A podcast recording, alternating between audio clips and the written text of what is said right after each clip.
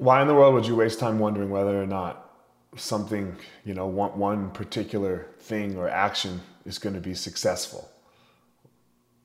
And I'm asking you this because, look, you're going to have things that you're going to succeed at, and you're going to have things that you're going to fail at.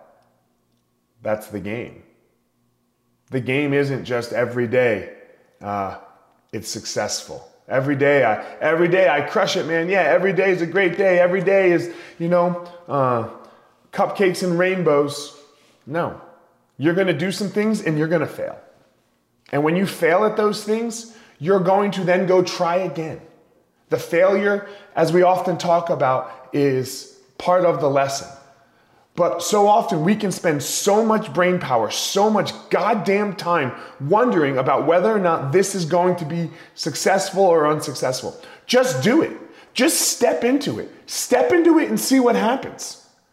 And then when you see what happens, you just look at the result. You just now take that information and do better. Success, great. Okay, I can still be more skillful and do better. Failure, all right, same damn thing. I'll, I'll fix it and be better. It almost doesn't matter.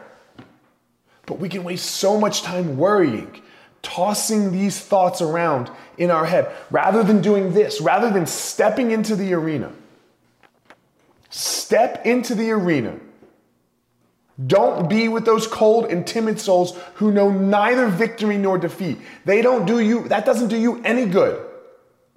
Stop worrying, stop wondering, start acting. You can do it. You can do it. You can do it right now. You can make that choice today. So make it. Discover your passion, find your power, go give your purpose to the world.